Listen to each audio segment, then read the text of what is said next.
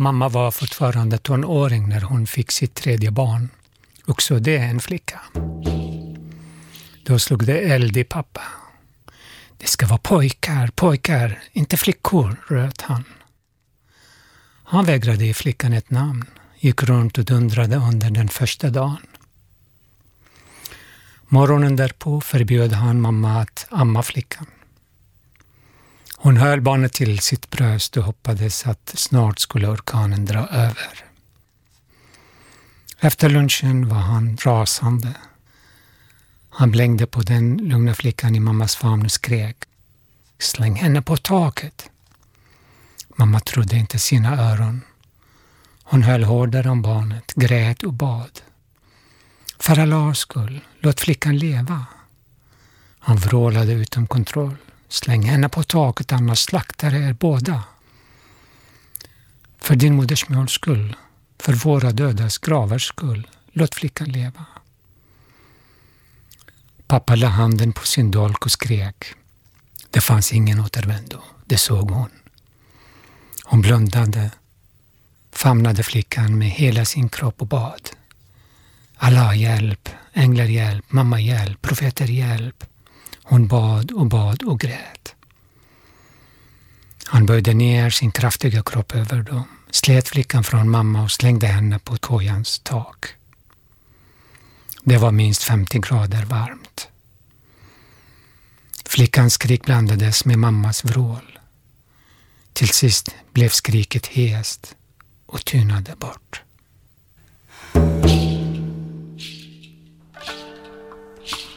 Syster, du fick inte se så mycket av vår värld. För korta stunder öppnade du ögonen, såg mammas leende ansikte, drack hennes mjölk, såg några andra nyfikna ansikten. Sedan tvingades du bort, över till en annan värld. Några år senare kom jag. Som pojke fick jag mitt liv i fred. Eller? Jag växte upp och såg de stora bergen som omgav området. Hus, byggnader, el och maskiner var okända ting. Som nomader vandrade vi med de övriga familjerna, som alla var släktingar. Varje årstid tillbringade vi på ett visst område. På vinter inne i dalen. Ett svart tält som mamma hade vävt av getull var vårt hem. På våren flyttade vi till ett öppet område in till ån, där vi hade odlingar. På sommaren vandrade vi uppe i bergen, där fåren och getterna fick bättre bete och det var svalare. På hösten åter till odlingarna, skörden och slakten.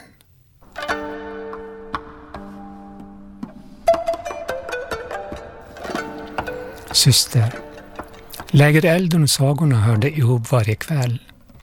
Samma längtan varje dag till denna stund. Penna, papper och böcker var okända saker.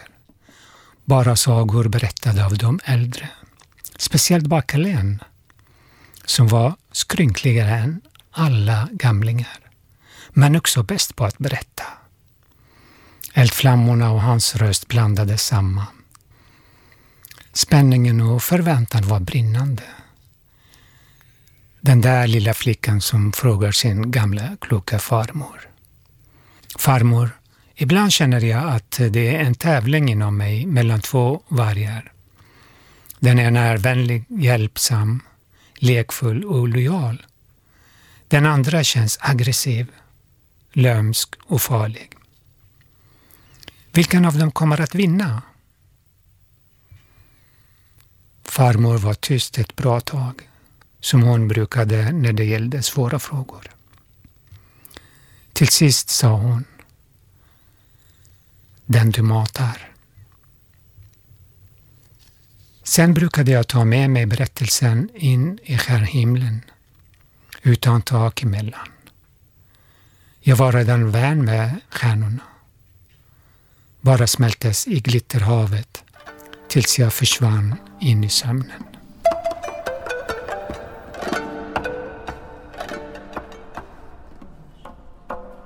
Jag var ju en pojke och en pojke skulle bli en man. Ute med djuren som härde, hänga med männen under jakten, prata och göra som dem. Och den där tidiga vårmorgonen när pappa skulle prova sitt nya hagelgevär.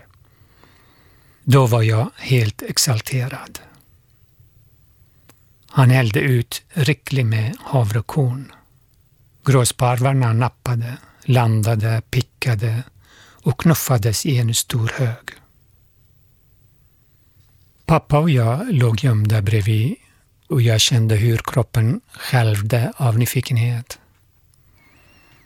Hagelgevärets mynning var inriktad mot gråsparvarna.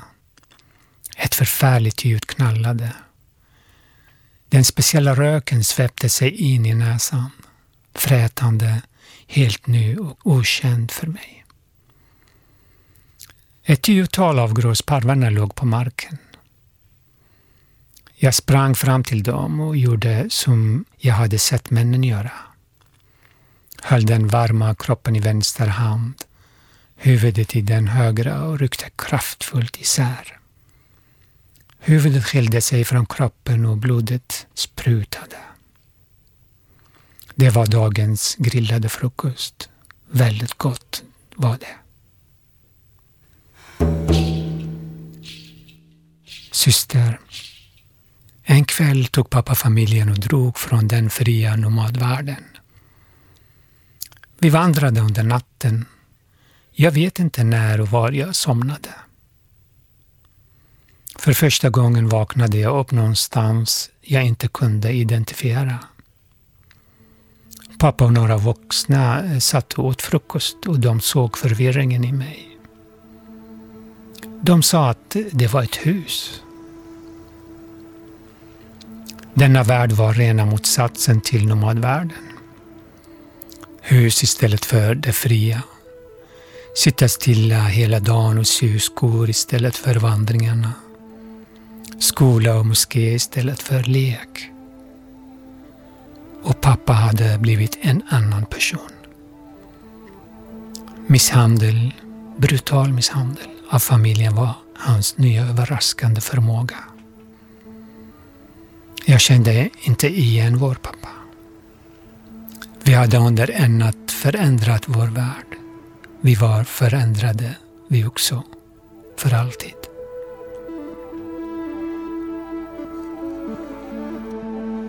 Syster, det är märkligt hur åren bara svischar förbi i den här världen.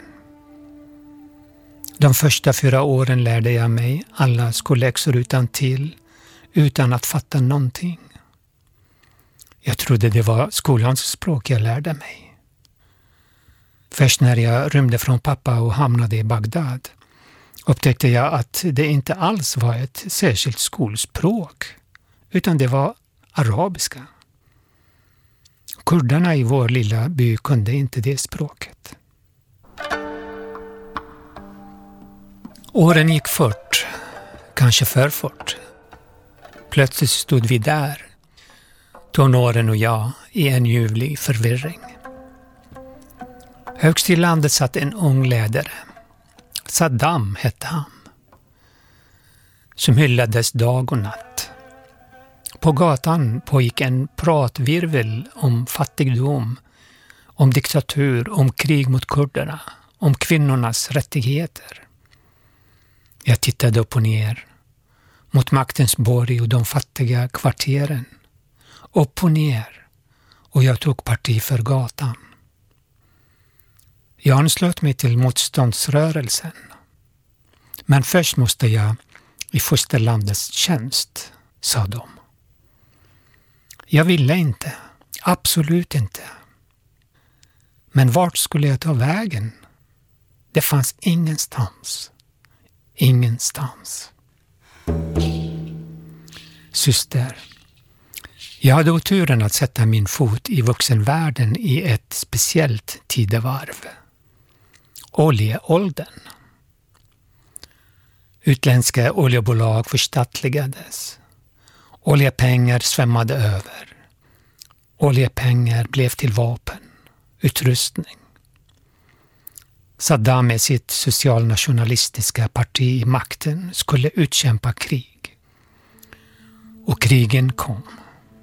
Mot kurderna i norr, mot Iran i öst och västerut mot Israel.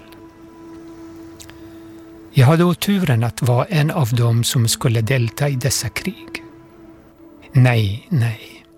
Det var varken otur eller deltagande. Det här var normen och tvånget.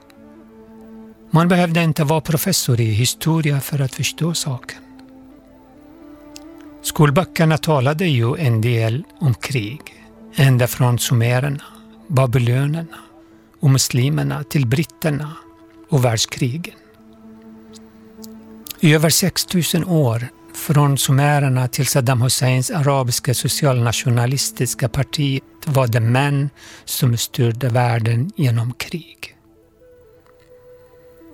Andra hälften av mänskligheten, kvinnorna, de fortsatte att sätta barn till världen, sörja sina söner, bli krigsbyten, förslavas, våldtas, säljas och köpas.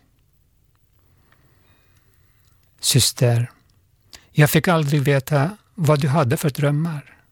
Men min dröm var att bli konstnär. Denna dröm tog över mig helt redan de första dagarna av vår flytt från nomadvärlden. Första gången jag höll i en penna började magiska figurer röra sig över det vita pappret. Jag började teckna av allt jag såg. Och jag var fast. Mer än konst längtade jag efter kärlek. Det var det som upptog hela min varelse, hela tiden. Men nu var det stövlarna, kakiuniformen och maskingeväret som jag skulle klä mig i. Att bli soldat innebar, och betyder fortfarande, att bevittna hur ens barndomsdrömmar blir mördade. Att byta kärlekens längtan mot rädsla och hat. Staten godkände inte kärlek. Kände inte till kärlek. Du ska veta, syster, att staten är en kärlekslös konstruktion. Rädsla och hat skulle bli drivkrafterna. Vi och dem. Vi och dem är själva idén.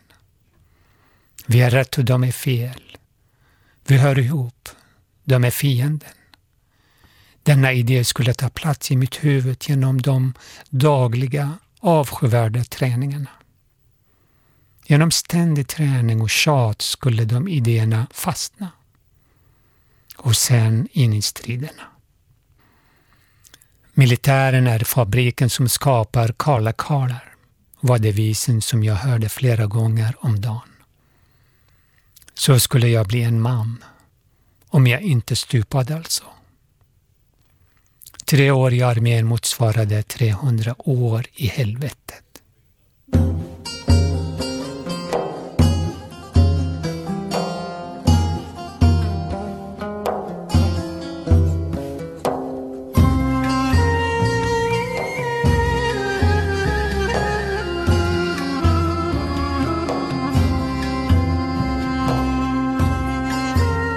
Syster. Ser man en gång fiende i den andra i vår värld så kommer man att se fler och fler fiender. Först där ute och sen tätare och tätare inpå. Närmare sig själv. Fienden är egentligen bara en idé som först har fäste inuti en själv. Ungefär som virus som smittar. Man blir fiende till sitt eget hjärta och därefter till andras. Saddam var inte nyskapande i att hitta nya fiender hela tiden. Han bara upprepade det hans förgångare gjort.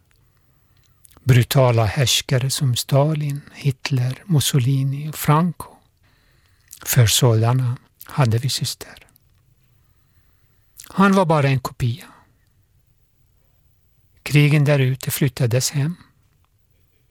Alla i oppositionen förklarades som fiende och skulle slaktas. Och sen Saddams egna närmaste män. Jag hade gått igenom militärens och krigens helvete till synes helskinnad. Inte död i alla fall. Tränad och härdad ville jag nu uppfylla de politiska idéer som hade tagit över mitt huvud. Ett rättvisare Irak, ett fritt Kurdistan, ett bättre liv för folket. Den enda vägen dit var motståndsrörelsen. Jag satte på mig peshmerga-rebellernas ballongbyxor och axlade revolutionens kalasjnikov i Kurdistan. I begynnelsen var ordet, så ska en upphöjd manlig figur ha sagt, syster. Det kanske är så. Idéerna styr våra handlingar. Jag började slåss mot Saddams armé. Åren gick och ändå insåg jag att även vi hade allvarliga brister. Jag blev utesluten, utfryst och därmed i fara. Jag gav mig av på flykt till främmande länder. Syster, det är alltid ett livsfarligt äventyr att vara en olaglig människa på flykt. Staterna i den här världen gör människor olagliga. Efter några års flackande med falska ID-handlingar, i väntan på diktaturens fall, nådde jag till slut flyktens ände. Jag hade bara några veckors giltighet kvar i mitt falska pass. En dag fick jag en lapp med adressen till en café i Warszawa och en beskrivning av en viktig person. En människosmugglare. Jag kallade denna dag för domardagen. Det var slutet på alla drömmar. Jag var ett misshandlat, förkrossat liv som satt på en stol på ett främmande café i ett främmande land i väntan på en främmande person som kanske hade möjlighet att hjälpa mig till asyl i ännu ett främmande land. Hela förmiddagen drack jag te, förbannade ödet och ibland skrev jag ner några ord i dagboken. Sen tyckte jag att jag såg någon som liknade beskrivningen. Jag vinkade. Han vinkade tillbaka med en fråga. Vad vill du? Ut, sa jag. Till Sverige? Ja. Häng med, sa han. Syster, vi tog tåget som skulle till Gdansk, den nordligaste staden i Polen. När jag kom tillbaka från ett toabesök var smugglarens kompanjon ursinnig. Han vrålade.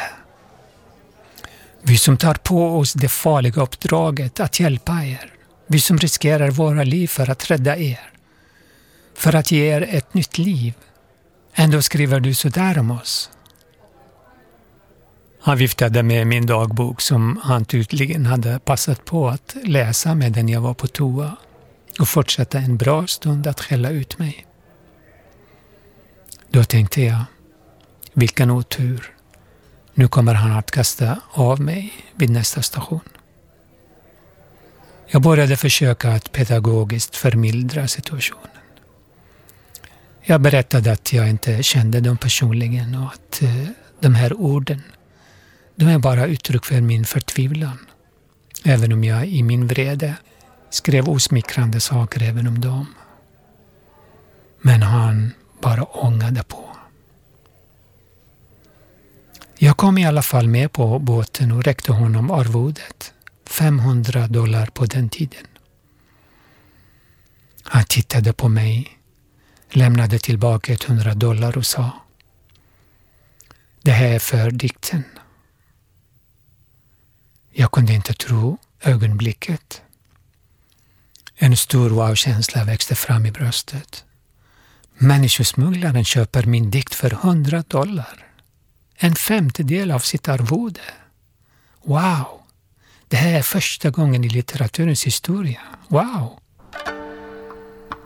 Syster, Jag lyckades komma in i Sverige och tro eller ej kunde jag stå ut från den första minuten fram till jag gick ut från flyktingförläggningen med uppehållstillståndet i handen. Kort efter det vaknade min tonårsdröm till liv. Syster. Konst, kärlek, kvinnor. Min nya vän Helena kom med ett praktiskt förslag. Hon sa vi köper en övergiven gård i Skåne, jobbar lite och ägnar det mesta av tiden till att måla, skriva och ha det kul. Ett stort ja, kände jag. Men ack, kriget förföljde mig ända till Sverige. Saddam gjorde sitt brutalaste anfall någonsin i Kurdistan med kemiska vapen. Det blev massmord i staden Halabja och massmord på de besegrade männen från andra fronter. Många kvinnor blev krigsbyten, våldtogs och såldes. Bland annat i de rika Gulfstaterna. Den civiliserade världens hyckleri kulminerade i USAs första krig mot Saddam. Allt det här golvade mig helt. Jag lämnade Skåne och åkte norrut till det lugna, snötäckta Skinnskatteberg där man kan gå i dagar utan att prata med någon. Där kollapsade jag i det mörkaste av mörker.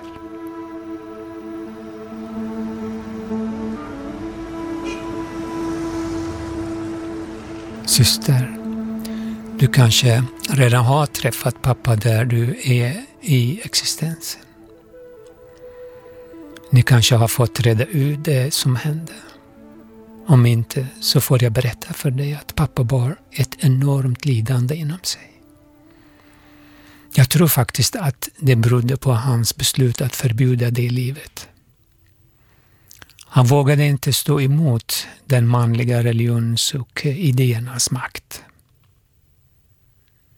För tusen år sedan stod pappas förfäder inför valet mellan att bli av med huvudet eller konvertera till islam. De böjde sig för tvånget.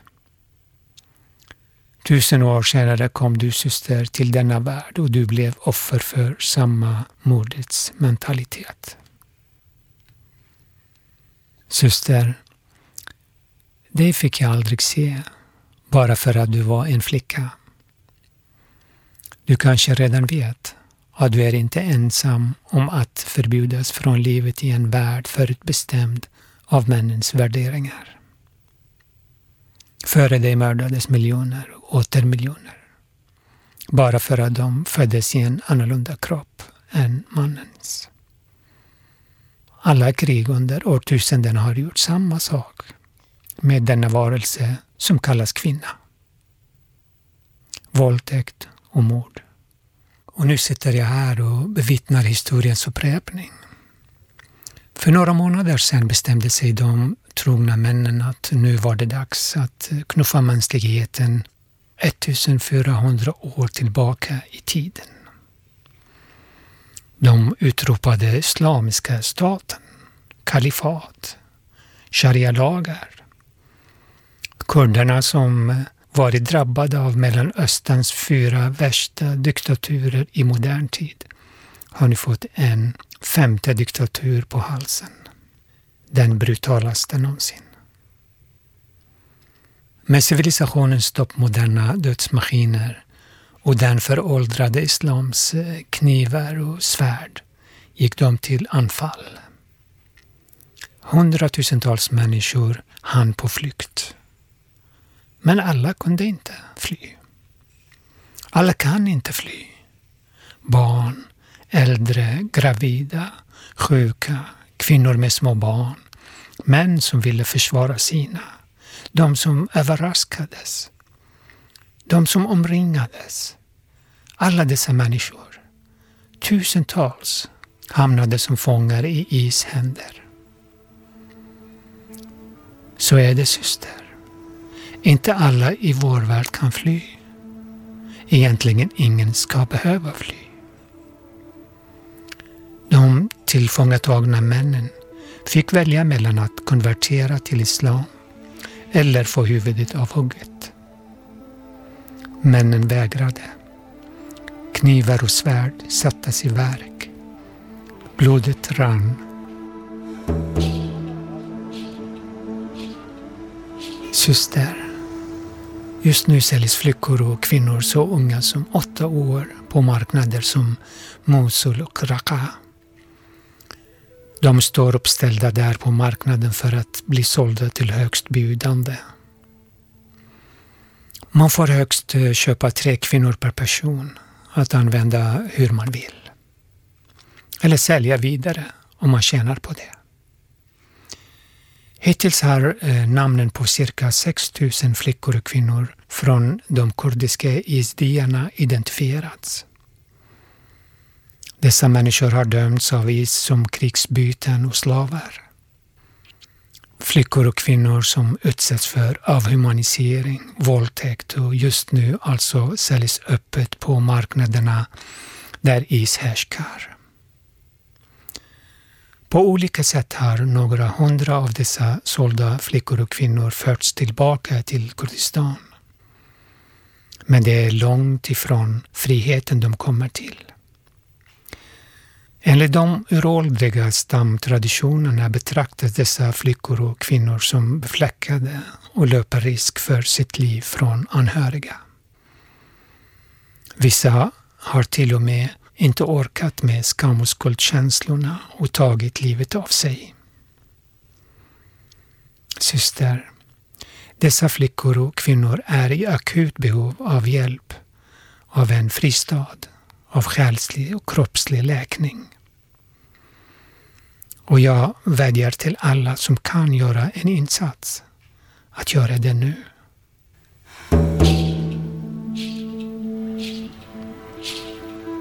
Syster, det är männens historia. Samma föråldrade sätt att tro att världen blir bättre genom att hugga av fler huvuden. Bombardera ännu mer. Det här är män som har sett sin barndoms drömmar bli krossade. Män som har tappat kontakten med sin visdom och sina känslor tills de inte känner hjärtat i sitt bröst längre. Inte i någon annans bröst heller. Men som blivit hjärntvättade med idéer om den enda sanningen, den enda rätta skaparen. Att med svärd och blod omvända de andra till den rätta vägen. Byta ut livet mot en trosuppfattning och tro att de har rätt att ta livet av sig själva och andra för en idé. Ja, syster, världen är fortfarande männens värld. De står för ägandet på den här planeten. Vapnen, arméerna, pengarna, maktpositionerna, marknaden, besluten och en massa hyckleri. Det är en människoovänlig, naturovänlig värld. Den upprepar sig liksom av vana eller av drömlöshet.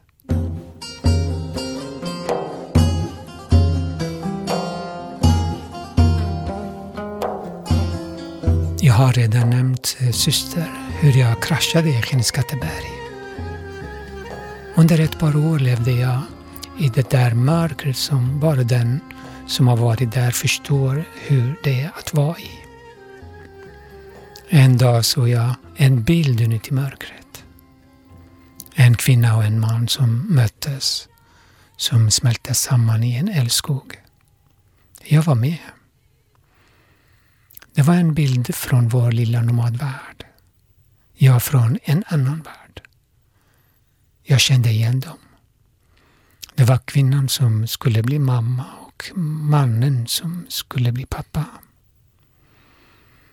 Jag såg mig själv från bägge håll samtidigt. Samma frö i en äggcell och en spermie.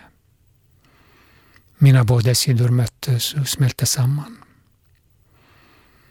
Jag vaknade till från denna vakendröm med en insikt om att jag är en kärleksvarelse men att jag har glömt bort det. Att alla hur än de uppfattar sig själva egentligen är kärleksvarelser fast eh, de i glömskan har vuxit ifrån det.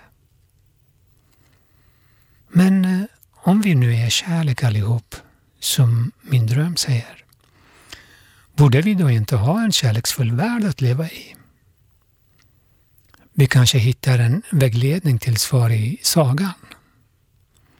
För mig står den sympatiska och kärleksfulla vargen i berättelsen för hjärtat. Den aggressiva och blödtörstiga står för egot. Hittills har egovargen tagit den största delen av människans, av mänsklighetens näring. Jag tycker det är dags nu att eh, vår värld tittar på det. En värld som matar hjärtat kommer att bli en försonad och hjärtlig plats för alla. Syster, när jag kunde se mig själv som en av naturen given kärleksvarelse upplevde jag den djupaste försoningen. Försoningen med mig själv i hjärtat för min del av allt som har hänt. För pappa, för dig, för denna värld. Det blev vägen som räddade mitt liv från mörkret. Du var ett människobarn, syster, utan ego. Du var ren kärlek. Du får ha det gott där du är, syster.